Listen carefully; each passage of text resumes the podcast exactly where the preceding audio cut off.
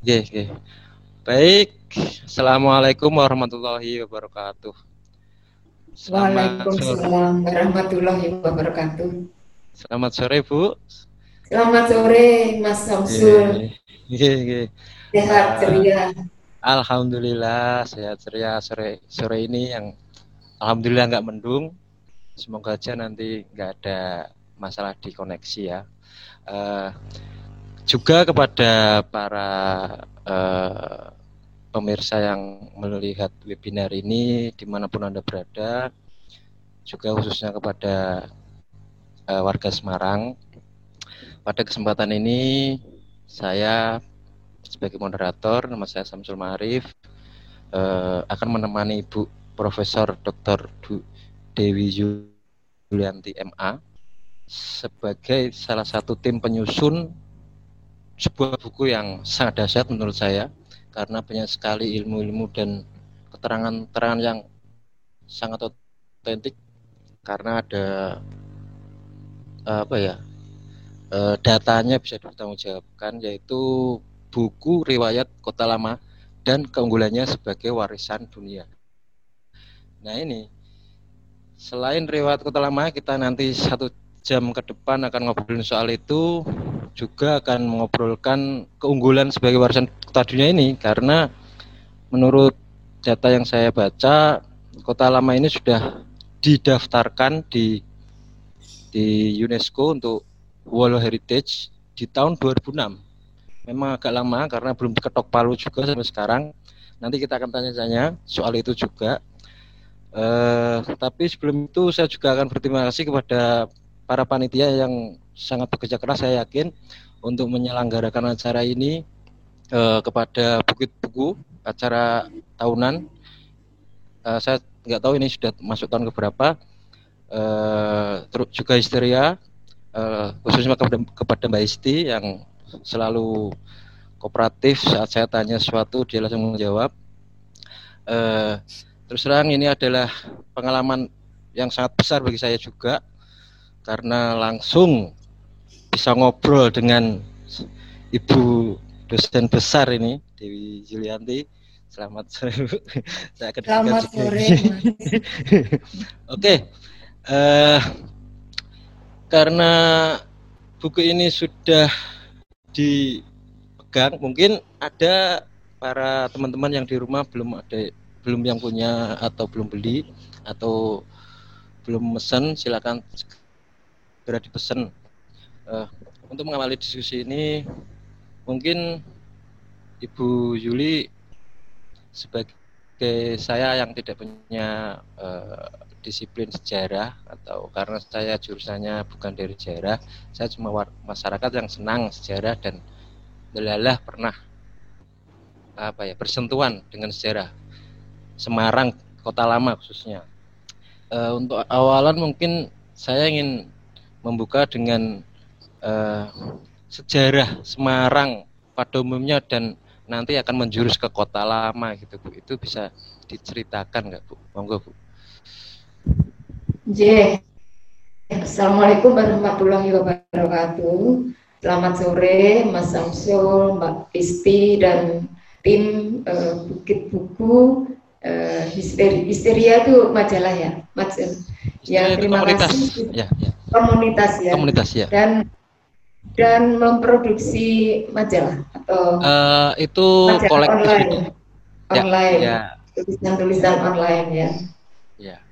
Baik, terima kasih saya sudah diundang untuk ngobrol-ngobrol sampai tentang riwayat Kota Lama Semarang. Nah, memang betul Kota Lama Semarang sejarah Kota Lama Semarang tidak bisa dilepaskan dari sejarah Semarang Ya. Jadi eh, kota Semarang ini sebenarnya sudah terbentuk jauh sebelum kota lama sendiri terbentuk. Nanti akan saya jelaskan mengapa kawasan yang sekarang disebut kota lama itu terbentuk dan disebut kota lama gitu ya. Um, ceritanya ini untuk apa terbentuknya kota Semarang itu tidak lepas dari sumber-sumber tradisional. Nah, sumber tradisional itu terutama dari Babat ya. Ya, ini sudah juga dikutip oleh uh, para penulis sejarah khususnya yang dulu yang tekun sekali menulis sejarah Semarang itu adalah Pak Amen Budiman almarhum ya. Jadi sekitar tahun uh, 1975 76 beliau aktif sekali menulis sejarah Semarang. Nah, antara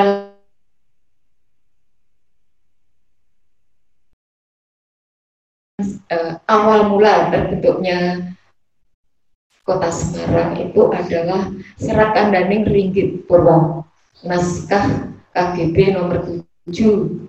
Nah, nah dalam naskah itu diceritakan bahwa kota eh, kota Semarang ini dibentuk secara apa namanya secara administratif itu ya secara pemerintahan oleh putra dari Sultan Demak Sultan Demak yang kedua yaitu uh, Raden Pati Unus putra Raden Patah ya Pati Unus nah itu punya putra yang namanya uh, Raden Madi Pandan ya Raden Madi, Madi Pandan ini uh, tidak mau menggantikan tahta ayahnya. Dia senang bergerak di bidang keagamaan. Oleh karena itu ia pun eh, melakukan eh, proses penyebaran agama Islam ya itu dia berjalan bersama putranya yang bernama Pangeran Kasibuan pergi ke arah barat daya dari Demak ke Tang ini arahnya Pulau Tirang nih yang kemudian menjadi Semarang ini. Arah Pulau Tirang itu ke barat daya dan di sana uh, Pulau Tirang itu sekarang berboto itu. Sekarang Bukit Berboto itu Pulau Tirang. Nah di sana di Ageng uh, uh, Made Pandan kemudian mendirikan dan di sana beliau tapi ketika beliau datang di Pulau Tirang itu bukannya wilayah Pulau Tirang ini tidak Bahkan sudah ada wilayah yang dikuasai oleh atau dipimpin oleh para ajar. Ajar itu e, pendeta ya, pendeta-pendeta agama Hindu Buddha ya. Di, di sana diceritakan sudah ada 10 wilayah. 10 wilayah itu ada Drono, Brinte, ya, sekarang Gunung Berintek itu masih kan Brono, Berintek, Wat Galeh, Guoselo. Guoselo itu yang sekarang kita sebut Gedong Batu itu dulu namanya Guoselo. Kemudian Gajah Mungkur, ya, Wat Gandul, Sejomilo, eh, dan lain-lain. Ada 10, 10 wilayah. Nah, tapi menurut cerita sih akhirnya wilayah-wilayah itu eh, berada diislamkan. Pangeran Madi Pandan tadi putra Sultan eh, Demak yang kedua yaitu Adipati Unus. Nah, beliau di, di wilayah Pulau Tirang ini melihat apa tumbuh pohon-pohon asam tapi letaknya tuh jarang-jarang gitu. Jadi asam yang arang-arang gitu. Asam yang arang-arang. Nah, dari sanalah melihat itu beliau maka mengatakan wilayah yang dipimpinnya itu eh, kelak kemudian dinamakan Semarang. Jadi dari kata asam arang ya nama Semarang dibentuk. Dan mengapa uh, Ki Made Pandan itu bernama Ki Ageng Pandan Arang? Karena di wilayah Padepokannya itu juga tumbuh uh, pohon pandan yang tumbuhnya juga arang-arang, juga jarang-jarang. Maka beliau kemudian mengambil nama Ki Ageng Pandan Arang. Ya. Nah, Ki Ageng Pandan dan Arang yang berhasil mengislamkan Semarang ini itu eh, kemudian disebut Ki Pandan Arang pertama. Karena kemudian nanti dilanjutkan oleh putranya Ki Pandan Arang kedua. Nah, setelah Ki Pandan Arang yang pertama wafat, ya, kemudian oleh Kesultanan Demak diangkatlah putranya menjadi secara resmi menjadi adipati di Semarang yang bergelar Ki Pandan Arang II. Ki Pandan Arang pertama wafat dan dimakamkan di Bergoto, juga di Bergoto. Dan istrinya juga di sana, di Bergoto juga. Nah, Ki Pandan Arang II itu dinobatkan oleh Kesultanan Demak dalam hal ini oleh Hadi Wijoyo. Pada saat itu eh, setelah terjadi konflik di Kerajaan Demak, ya, Sultan Trenggalek sudah wafat tahun 1546. Nah, sementara penggantinya belum ada, maka walinya adalah Pangeran Hadiwijoyo atau Joko Tingkir itu Joko Tingkir kemudian bergelar Pangeran Hadiwijoyo yang kemudian memindah kerajaannya ke Pajang. Nah, eh, Pangeran Kasepuan diangkat sebagai Bupati Semarang yang pertama.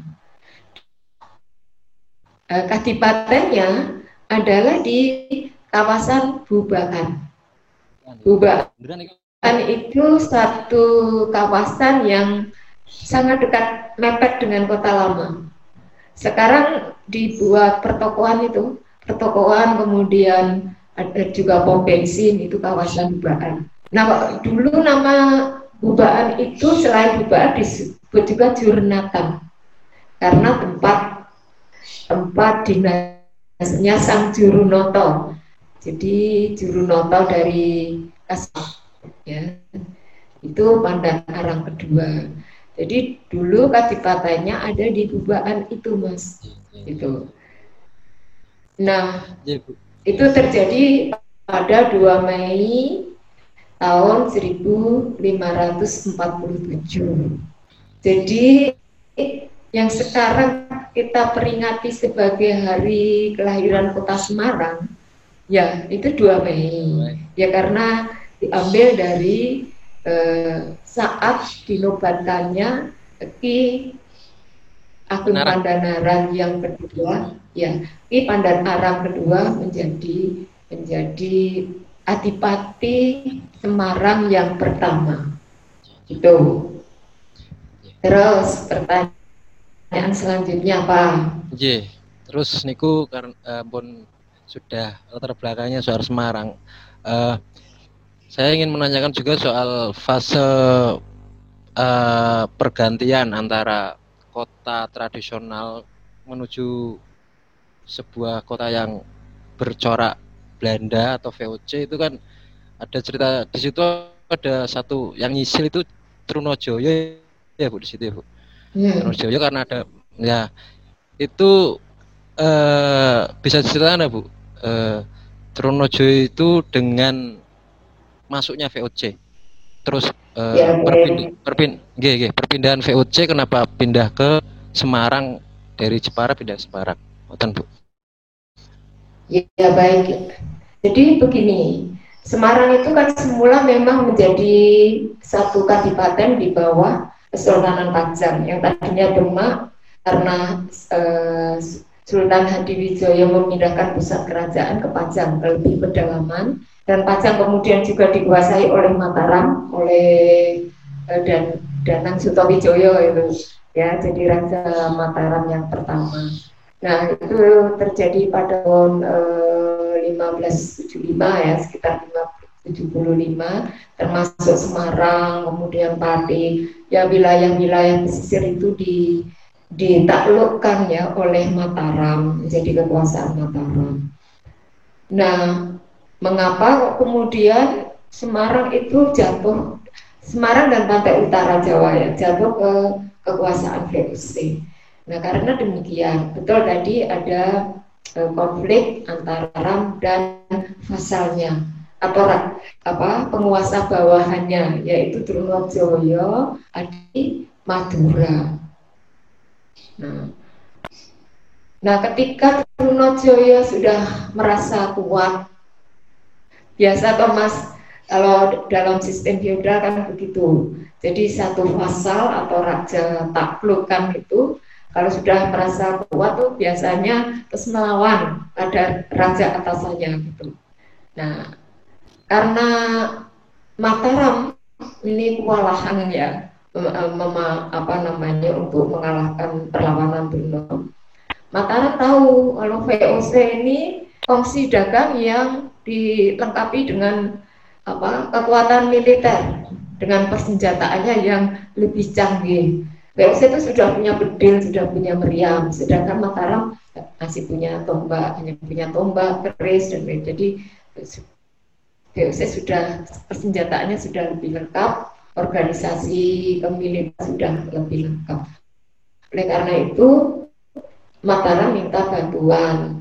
Nah, terjadilah perjanjian antara Amangkurat pertama, ya, Amangkurat pertama itu di sekitar tahun 1677, ya, perjanjiannya dengan VOC. Nah, Amangkurat pertama juga keseser. Lari ke, ke Tegal itu. Ke Tegal dia akhirnya juga bapak di Tegal di desa Tegal Arum itu. Makanya Amangkurat pertama juga disebut Sunan Tegal Arum ya. Nah dia, dia berpesan kepada putranya untuk mengalahkan Trunojoyo kamu juga harus ya harus minta bantuan ke VOC karena kekuatannya kalah nih Mataram.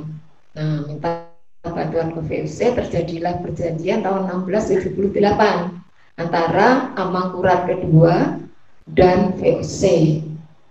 Nah, pada saat itu VOC masih berkantor pusat atau berkantor dagang di Jepara. Ya, di Jepara. Nah, akhirnya ditandatanganilah perjanjian antara VOC dan uh, Amangkurat kedua itu di Jepara pada tahun 1678. Nah, di sana ditandatangani dengan apa namanya perjanjian bahwa jika dapat mengalahkan Joyo maka akan mendapatkan imbalan. Imbalannya apa?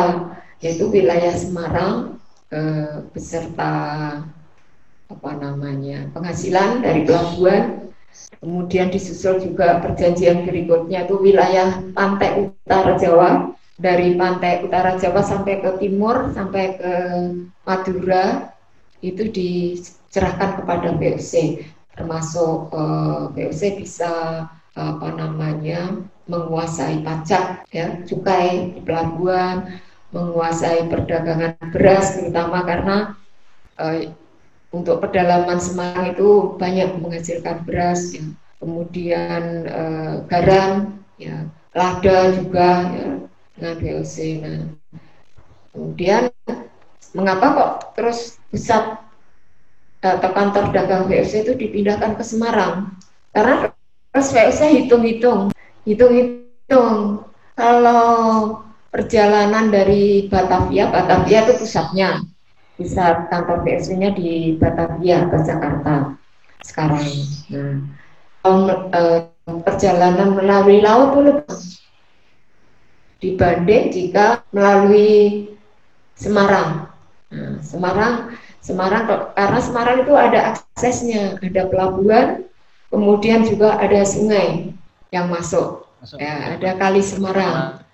Ah. Ya kali Semarang ya sekarang kita lihat itu itu kali Berok itu.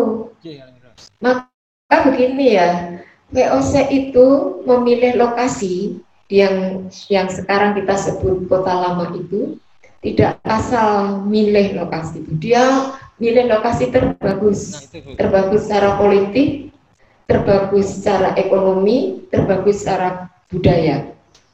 Ya, secara politik, VOC melihat eh, gampang berhubungan dengan pemerintahan Kabupaten Semarang. Karena pusat kabupatennya yang semula di Bubaan pindah di Kanjengan. Kanjengan yang kabupaten mungkin karena mungkin belum lahir juga waktu itu. Tahun 76 kan dipindahkan dari kawasan Kanjengan itu. Kanjengan itu di Johar, Mas. Iya. Di Johar. Eh, sekarang juga Pasar Kan namanya. Dulu di sana ada kabupaten, ya, ada kabupaten tempat eh, adipati atau bupati Semarang itu mengoperasikan pemerintahan tradisional. Nah, ya, ya, ya. dekat dengan pemerintahan tradisional. Yang kedua, secara ekonomi ada akses akses untuk uh, perdagangan atau ekspor impor, yaitu Kali Semarang dan Pelabuhan iya, iya. Semarang. Yeah. Itu. Dan Pelabuhan Semarang itu juga tidak tiba-tiba ada masa VOC karena dalam cerita-cerita yang disebut dalam babat, misalnya babat Demak, itu Pipan dan Arang dua itu siap bandar. Berarti sudah ada dong pelabuhan Semarang itu. Jadi pada abad eh, ke-16 pun, tahun pertengahan abad 16 ya, ketika Pandan Arang kedua tahun 1547 itu diangkat sebagai bupati, dia itu sebenarnya di sana sudah menjadi siap bandar. Siap bandar yang kaya raya itu eh, Sunan eh, Pandan Arang kedua. Siap bandar yang sangat kaya. Jadi pelabuhan itu memang sudah ada fasilitas pelabuhan sebelum VOC datang. Itu yang eh, pertama ya akses ekonomi, kemudian akses politik tadi dekat dengan pusat kekuasaan tradisional sehingga mudah berhubungan dan mudah mengontrol. Ya. Kemudian yang ketiga ada akses budaya. Sebelum VOC datang, itu kan kawasan yang kita sebut kota lama sekarang itu sudah menjadi kawasan budaya. Jadi secara kawasan itu sudah berbagai etnis. Ada Cina, ada Jawa, ada Arab, ya, ada Moor. Persia ya. Orang Belanda kalau menyebut orang India yang Islam itu Moor orang Mur, yang Murs gitu, bangsa Mur, gitu.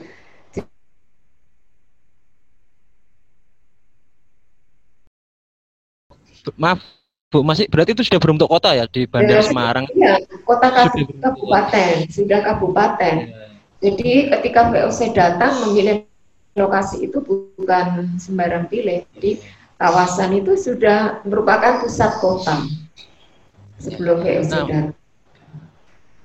Uh, setelah setelah setelah kejadian perpindahan uh, benteng itu uh, dari uh, bukan benteng maaf uh, pelabuhan dan akhirnya membuat benteng ya bu di situ ya kalau menurut ya, yang bentuknya Jadi, ya yang bentuknya kayak penyu ya kayak penyu itu ya, ya. Nah, pertama itu dia uh, VOC itu membangun benteng pertahanan sekaligus permukiman di tepi timur Kali Semarang yang Penggok itu.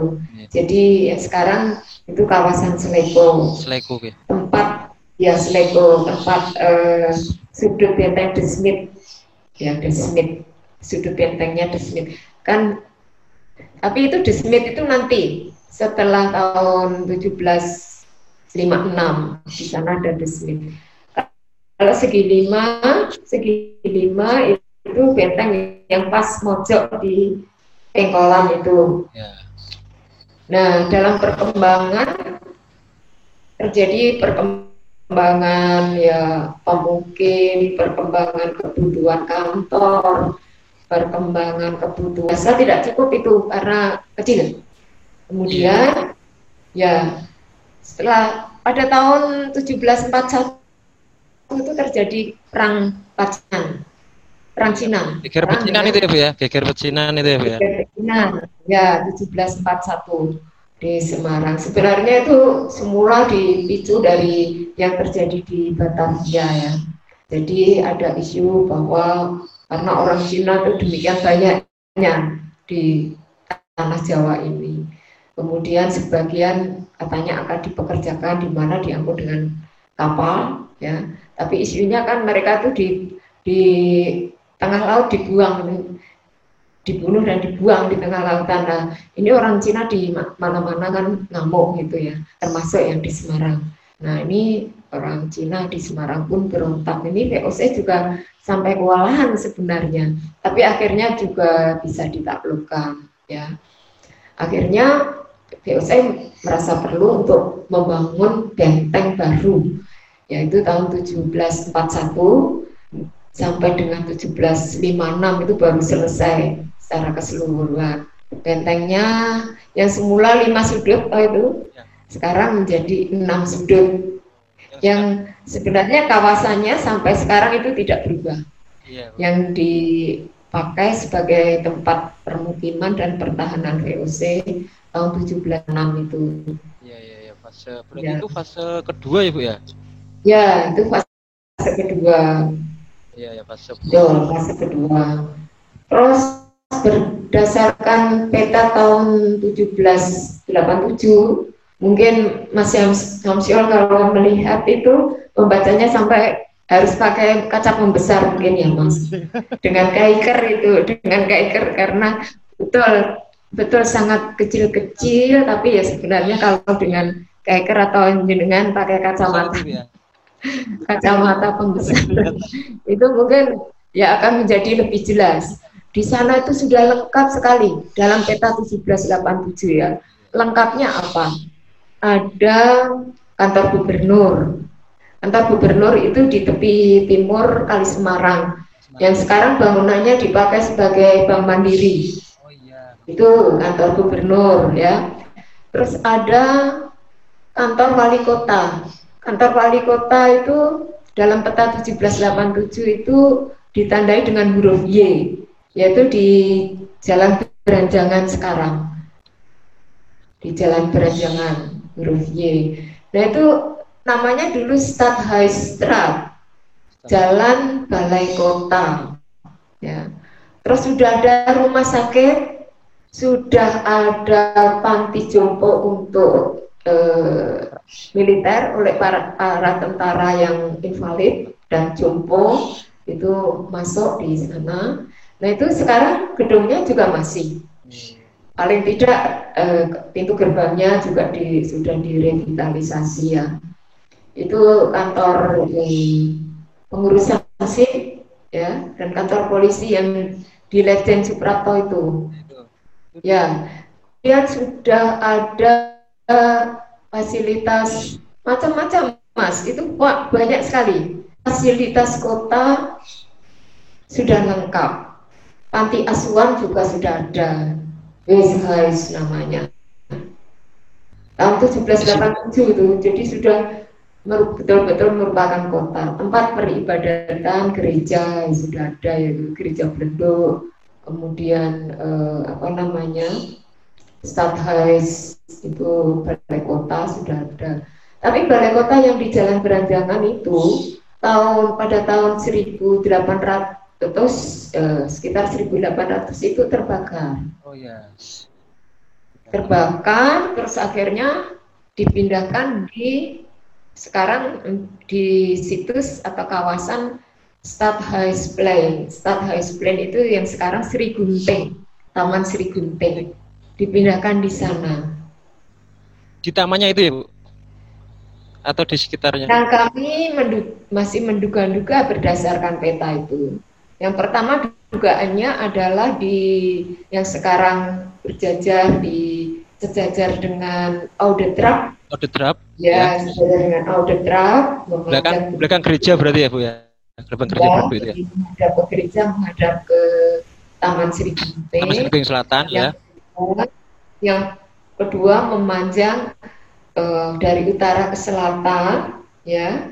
Ya juga menghadap Taman Sri Ginting. Kalau yang di Auditra kan menghadap ke utara. Ya, ya. Tapi yang dugaan kedua berdasarkan peta tahun 1835 itu memanjang dari utara ke selatan. Tapi ini juga masih interpretasi, tapi bahwa kawasan balai kota pada tahun 1800 ya sampai sampai uh, nama benteng dibongkar itu awal abad ke-19 tahun 1824 tepatnya.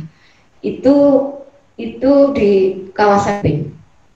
Nah, kawasan di Audetrat itu pun kan juga ada temuan apa fondamen.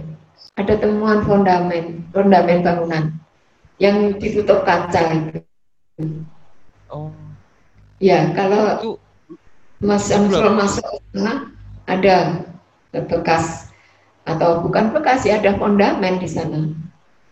Uh, maaf Bu mau tanya ini soal tata kota berbeda tata kota Jawa dan dan kebanyakan VOC itu kalau Jawa kan jelas Bu ya ada ada alun-alun uh, ada masjid nanti hadapan dengan balai kota terus ada itu. Yeah. nah kalau Belanda itu di Jawa, uh, di Jawa aja Bu ya. Itu apa? Tata kotanya hampir sama-sama seperti ini Bu. Di Surabaya di itu. Iya. Ini khas sekali yang uh, yang kita sebut kota lama ini. Tata kotanya hampir sama juga. Karena balai kota juga menghadap ke Stadhuisplay jadi taman balai kota itu katakanlah alun-alunnya orang barat itu ya. Menghadap ke alun-alunnya ini yang kita sebut Taman Sri Gunting sekarang. Juga dengan di sebelah baratnya ada uh, di depan balai kota yang agak ke barat itu ada gereja tempat peribadatan. Karena mereka kan beragama Kristen Protestan ada gereja ya know? Kemudian juga ada penjara juga penjara juga ada ada pasar di sana juga ada pasar dan pasar itu ketika VOC datang atau menurut perjalanan yang bernama Valentine itu bikin catatan perjalanan, dia juga melihat pasar di sana. Ya. Melihat pasar yang katanya sudah ramai, tempat segala macam barang diperjualbelikan di kota itu. Ya karena di situ adalah pusat eh, kadipaten ya, pusat kabupaten. Jadi setiap pusat kabupaten dulu ada masjid juga di dekat Tubaan itu juga ada masjid dulu. Tapi masjidnya juga kemudian dipindah dipindah ke Kauman itu. Oh, berarti setelah setelah pusat kabupatennya dari Tubaan dipindah ke Kanjengan, ya. Kemudian dibangun juga masjid di apa sisi barat kabupaten. Gitu. Jadi sebenarnya ya hampir sama sih depannya juga ada alun-alunnya tapi mungkin tidak sebesar alun-alun pemerintahan Bumi Putra ya mereka taman saja lah taman balai kota gitu tapi ada tempat peribadatan jadi pusat politik kemudian juga ada pusat hanya bedanya begini dalam apa namanya lingkup kabupaten eh, tata ruangnya itu tidak semodern, tidak semodern orang-orang barat itu. Kalau orang barat ini kan dilengkapi dengan rumah sakit, nanti ada panti asuhan, kemudian ada apa pengadilan, gedung landrat itu. Landrat itu di yang sekarang untuk rumah makan Cianjur. Mereka menyebut landrat. Rat itu eh, apa namanya dewan dewan pengadilan untuk uh, sebenarnya untuk orang-orang yang di permukiman itu dulu. Kemudian juga ada penjara. Nah, penjara itu jadi satu dengan balai kota dulu. Uh, maaf Bu, ini ada pertanyaan dari dari para teman-teman yang mendengarkan ini. Dari Zakia Laila hmm. uh, bertanya Bu begini, ada tidak Bu kisah-kisah kecil yang menarik untuk dicermati Mungkin kisah itu terselip di dalam riwayat-riwayat bangunan-bangunan lawas di bekas kota Benteng itu. Desa kecil. Desa kecil. Kalau di dalam kota Benteng itu betul-betul kota. Jadi permukiman yang bersifat kota. Karena e, kalau desa itu kan ada tempat pertanian dan sebagainya. Ya, kalau itu betul-betul kota. Bukan, bukan. Gedung-gedung yang maaf, maaf. Ya? Bukan bukan desa tapi kisah kisah kecil. Jadi di dalam gedung-gedung yang besar itu atau di dalam uh, kompleks kompleks kota Benteng itu apa ada kisah-kisah yang menarik? Oh, kisah-kisah kecil. Ya. Riwayat bangunnya, riwayat ya, bangunnya, bangunannya. Oh iya. Jadi gini, VOC ini betul-betul memperhatikan misalnya di sudut-sudut benteng itu kan ada menara pengawas itu betul-betul disediakan ruang untuk penjaga kemudian penjaga pengawasan itu, kemudian di juga ruang untuk persenjataan, ya ruang pusat persenjataannya ada yang sekarang di di hmm, apa namanya asrama polisi militer di belakang gereja. Ada, ada itu asrama polisi militer. Sekarang di, dulu itu juga asrama serdadu VOC itu. Jadi itu sejak abad ke-18 sampai sekarang masih bekas-bekasnya ya. Jadi usianya sudah berapa. Kemudian um, POC itu juga dilengkapi selain apa kekuatan militer serdadu juga ada sekolah. Ada sekolah ini dari catatan perjalanan ya. Ada sekolah sekolah marinir. Sekolah oh, iya. ya angkatan laut.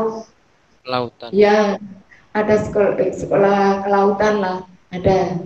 Jadi nanti itu menjadi kader-kader ya kader-kader apa uh, serdadu VOC atau kader-kader untuk kekuatan VOC.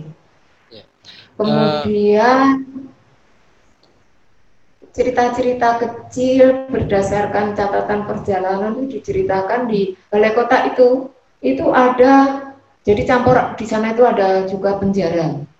Nah penjara itu diceritakan bahwa orang-orang yang apa dianggap salah, dimasukkan penjara dan dirantai.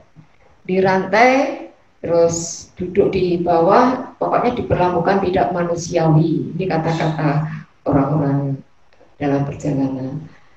Terus di misalnya di abad ke-18 ya, akhir abad 18 awal abad 19 itu sudah ada hotel di kawasan itu. Selain selain tadi ada rumah sakit, ada rumah-rumah rumah-rumah hunian, ada kantor-kantor dagang, ada apa kantor-kantor konsulat. Konsulat itu berarti VOC ini juga menjalin hubungan internasional. Ada Jerman, Inggris, Hong Kong, Australia, ya macam-macam Italia. Ya. Ada kantor-kantor konsulat di kota lama itu ya ada hotel juga. Hotelnya itu namanya sekarang sudah nggak ada ya dulu itu hotel Jansen. Hotel Jansen itu yang sekarang dipakai untuk parkiran kalau pas ada apa namanya perayaan apa perayaan Tentun Steleng itu.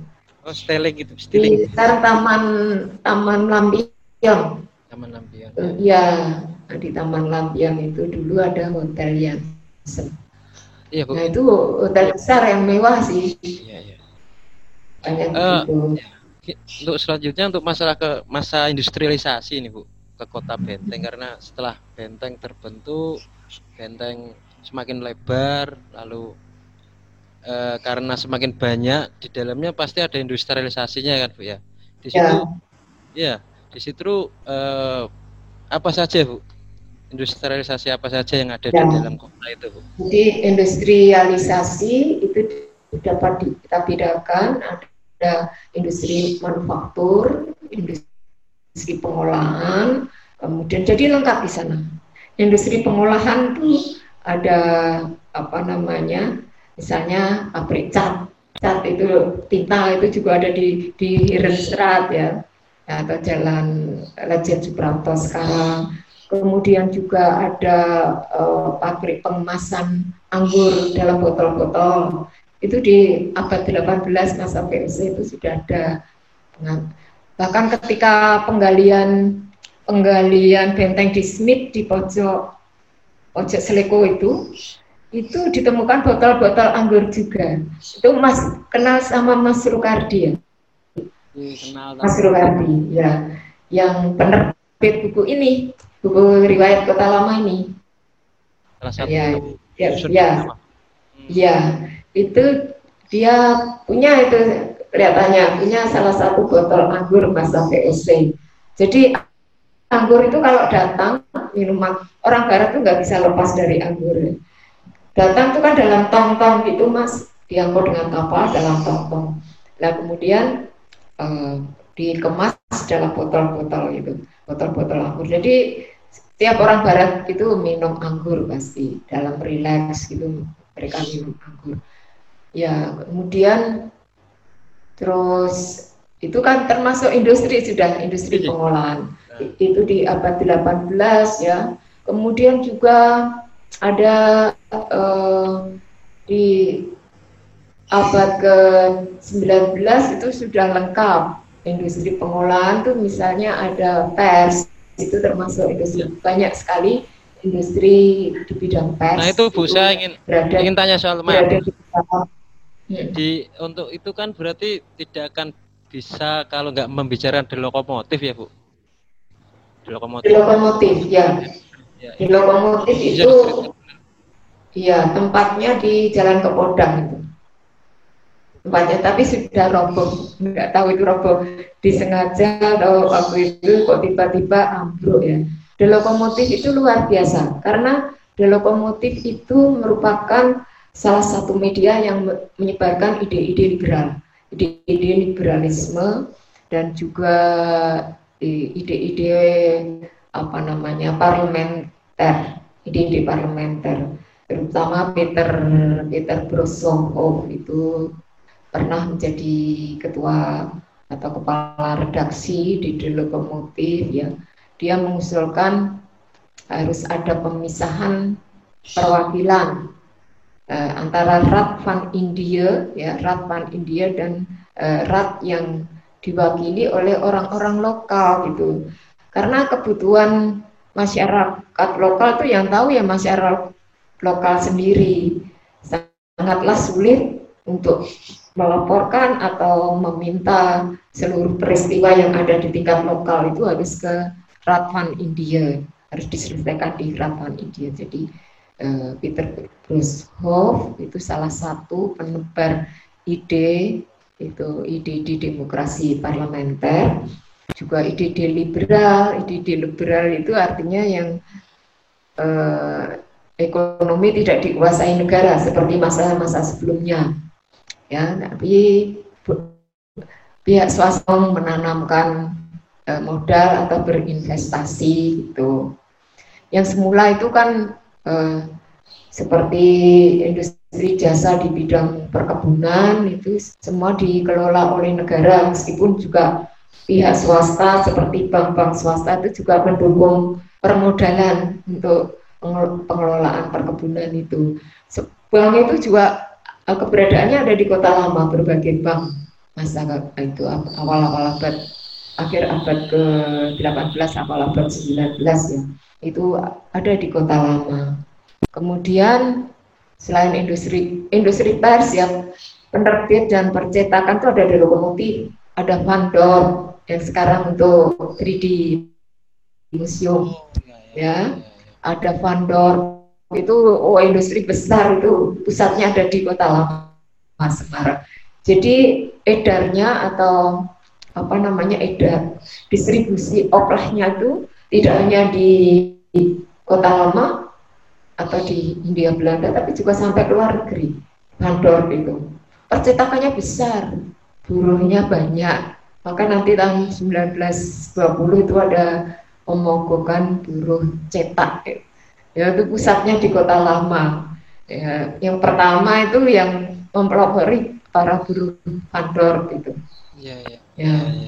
Ya sebenarnya karya kan cerita itu mungkin menjadi seribu atau berapa halaman buku ini nggak tuntas banyak sekali sih yang bisa diceritakan dari industri ya, es. Ya. Kemudian ada uh, percetakan dan penerbitan Benjamin. Ya, itu ya. ya Benjamin itu juga di The Herenstraat, jalan jalan Tuan lah. Para tuan itu tinggalnya di sekarang yang disebut jalan jalan Ganjen Suprapto itu sama Tuhan. Hirenstrat itu dari penting gitu ya Bu ya? Ya Hir, Hir itu Tuan, the Hir. Ya. Para tuan-tuan Eropa itu yang kaya-kaya itu tinggalnya di Hirenstrat, jalan the Hir. Ah, ah, maaf Bu, ini ada lagi pertanyaan ya. dari Prima 28. Uh, menanyakan soal dampak industrialisasi yang masih terasa sampai sekarang itu apa Bu? Jadi dari kota itu yang sampai sekarang masih terasa itu apakah ada atau tidak Bu? Ya ada, ada banget. Misalnya pertama dari segi apa namanya perdagangan ekspor impor. Yang semula kan uh, untuk menuju ke kapal kapal besar itu orang harus memakai namanya slave boat. Itu kapal slave itu jadi kapal pendorong. Harus ada kapal angkut yang dari pedalaman Semarang kali Semarang itu sampai ke laut lepas di tengah di mana kapal besar bisa berlabuh. Dulu nggak bisa berlabuh. Nah ini kan juga kemudian dilakukan penyudetan kali Semarang itu supaya bisa langsung eh, kapal-kapal uh, bisa lebih mepet ke uh, pelabuhan Semarang itu itu yuk kami rasakan kan itu juga juga uh, dipelopori oleh orang-orang Barat itu. Kemudian juga industri pers sendiri yang ngajari yang ngajari ya orang-orang Barat loh, secara industri loh, iya. secara industri. Jadi antara lain itu suara merdeka. Suara merdeka itu pertama kali juga domplengnya dipercetakan di lokomotif. Oh. Tapi akhirnya Pak Hitami bisa membeli sendiri yang di Jalan Merak. Ya pada Februari tahun 1950 itu ya Berarti intinya masih hidup ya maksudnya dampaknya masih ada sampai oh, sekarang itu ya iya mengenai percetakan dan penerbitan itu juga peninggalannya orang barat karena dulu buruhnya atau pekerjanya yang mencetak dulu percetakan itu kan nggak di print gitu mas.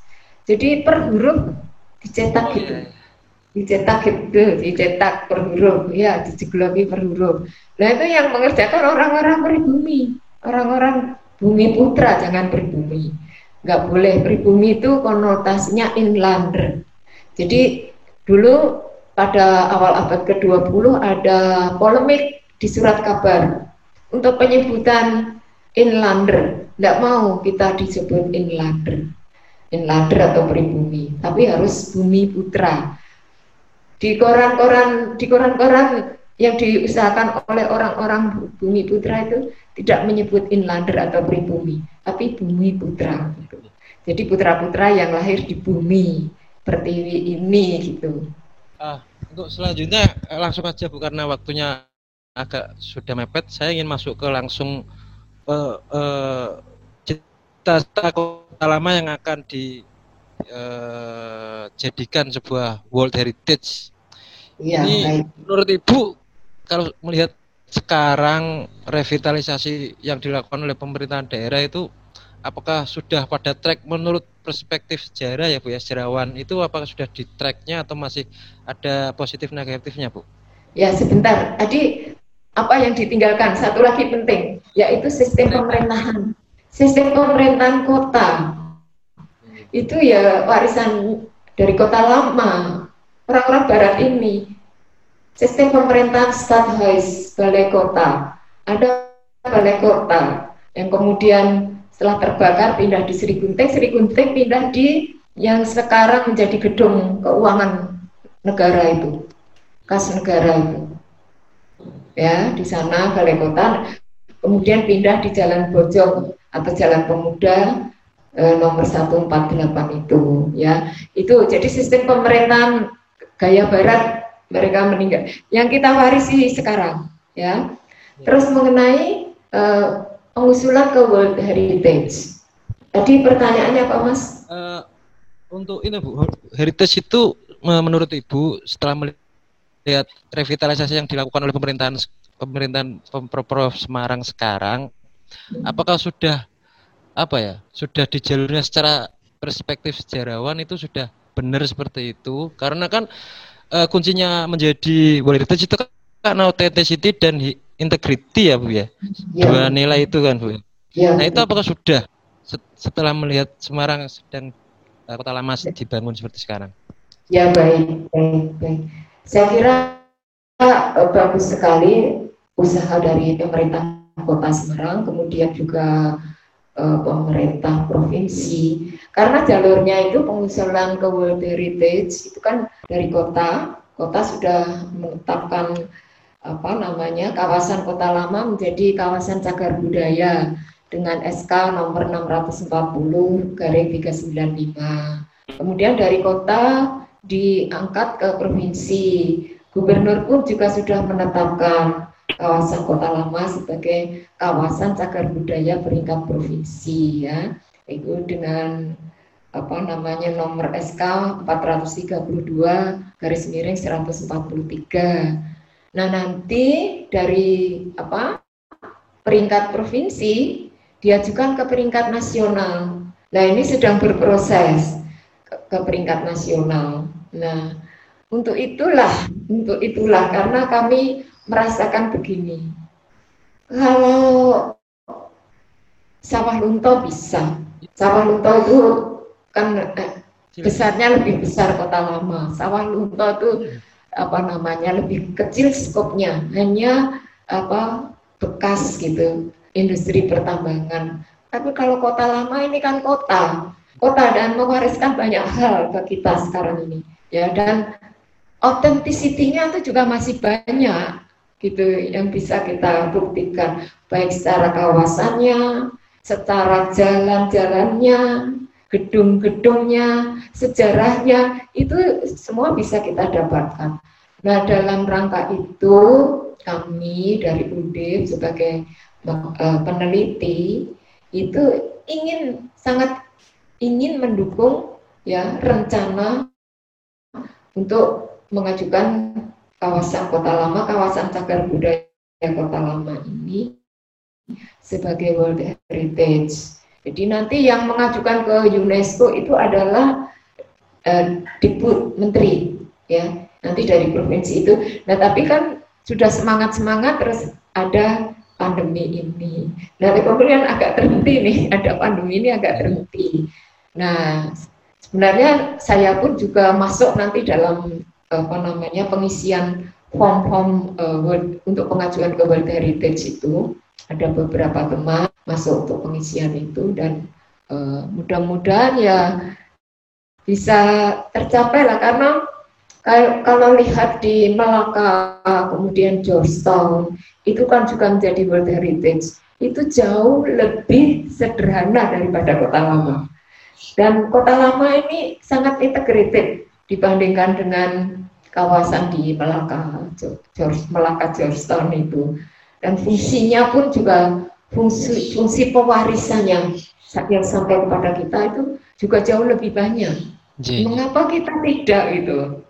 Ya, ya, Bu, benar.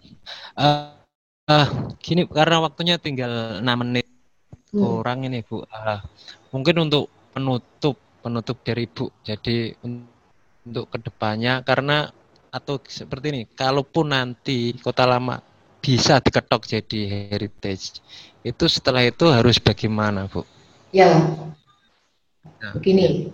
Jadi persyaratan World Heritage satunya itu harus ada manajemen yang kuat.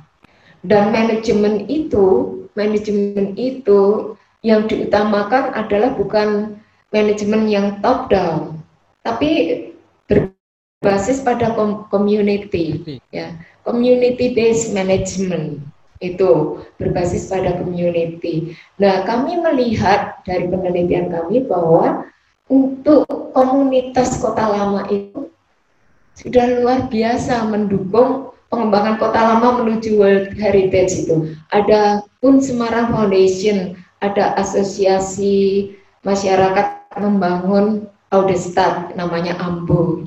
Kemudian ada juga Pak Agus yang punya punya monot deep house di Jalan Kepodang. Itu kan ya itu sangat mendukung untuk pengembangan itu dengan mengisi acara-acara dan sebagainya. Kemudian ada Pak Kris yang punya galeri juga. Ya.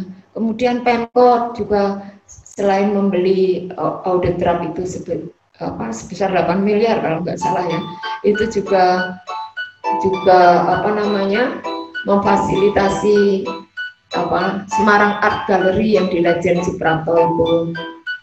Ya jadi jadi begini uh,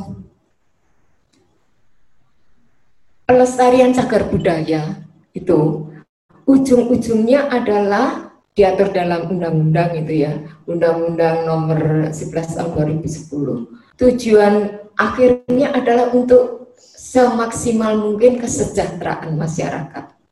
Nah, kami melihat di Kota Lama Semarang ini, kawasan Kota Lama Semarang ini sudah ada kompetensi-kompetensi itu, kompetensi penyejahteraan masyarakat. Kita lihat ada kafe-kafe, ada galeri. Kafe-kafe ini merekrut tenaga-tenaga muda yang banyak loh. Jadi yang menjadi entrepreneur-entrepreneur baru, orang-orang muda ini. Ya. Kemudian nanti ada kreativitas, misalnya pameran, pameran lukis, seni melukis, pengunjung minta dilukis dan sebagainya. Nah ini kan salah satu aspek ya yang bisa mensejahterakan masyarakat secara luas saya kira. Karena para pekerja yang di galeri, di kafe-kafe, kemudian di mungkin di Monot Deep House itu juga ada beberapa karyawannya, kemudian di uh, restoran juga ini rekrutmen para tenaga-tenaga muda yang diharapkan nanti kelas mereka juga menjadi entrepreneur-entrepreneur yang yang baru gitu. Oleh karena itu pelestarian cagar budaya adalah niscaya saya kira. Karena cagar budaya ini di samping memiliki nilai historis yang ujung-ujungnya adalah untuk kepentingan ilmu pengetahuan, eh, edukasi, tapi juga eh, apa namanya merupakan monumen penting yang merupakan rangkaian sejarah yang mengantarkan kita sampai pada hidup sekarang ini gitu termasuk secara politik, secara budaya, secara ekonomi. Oleh karena itu meskipun kota lama ini juga notabene itu dibangun oleh orang barat, tapi jangan memikirkan orang baratnya, tapi juga peranan peranan lokasinya ini. Lokasinya ini penting gitu. Orang barat itu milih lokasi ini. Jadi sebelum orang barat datang itu secara politik, ekonomi dan budaya di kawasan kota lama itu sudah ada gitu. Sudah kuat gitu. Jadi jadi tidak peninggalan orang barat semata. Mungkin orang-orang ada beberapa orang yang mengatakan ngapain sih oh melestarikan peradaban orang barat itu ngopeni apa peninggalan orang barat bukan itu tapi nilainya nilainya itu tidak semata peninggalan orang barat tapi nilai keseluruhan. Orang-orang bumi putra pun orang-orang nusantara pun itu ikut membentuk kawasan kota lama. Gitu. Jadi saya pikir ya Kota lama ini harus diperjuangkan menjadi World Heritage. Karena memang punya nilai internasional, nilai kemanusiaan yang tidak hanya eh, apa khusus di kawasan kota lama, tapi juga dunia.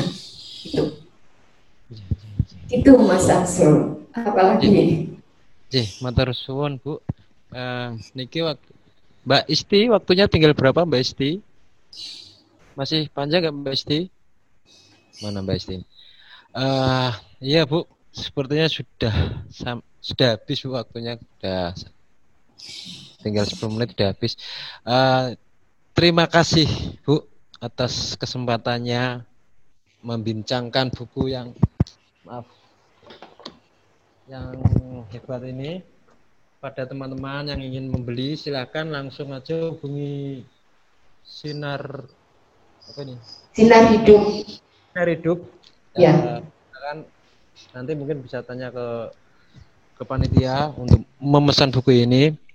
Bagi hmm. orang Semarang, Anda kalian harus punya buku ini karena benar kata Ibu tadi, bukan masalah kolonial atau apa pun, karena tempat itu juga yang sejarah itu yang membentuk kita sekarang kan Bu ya, dan yang akan akan hmm. datang. Jadi yeah siapa pun yang meninggalkan sejarah itu itu juga bagian dari kita uh, maka peliharalah siapa siapa tahu nanti setelah kota lama di World Heritage kan Sobokarti semua ikut semua jadi paling tidak hmm. tidak ada lagi cerita seperti peterongan ibu ke hmm. besar peterongan ngoten maksudnya Iya, ada, ya. ada cerita lagi seperti pasar juar dan yang lain yang lain. Gitu dari saya okay. dan Ibu. Terima kasih Bu atas ya, kesempatan. Ya, Terima ya. kasih kembali. Ya, terima kasih. Sampai jumpa di lain kesempatan. Mungkin nanti teman-teman eh, teman-teman kalau akan pesan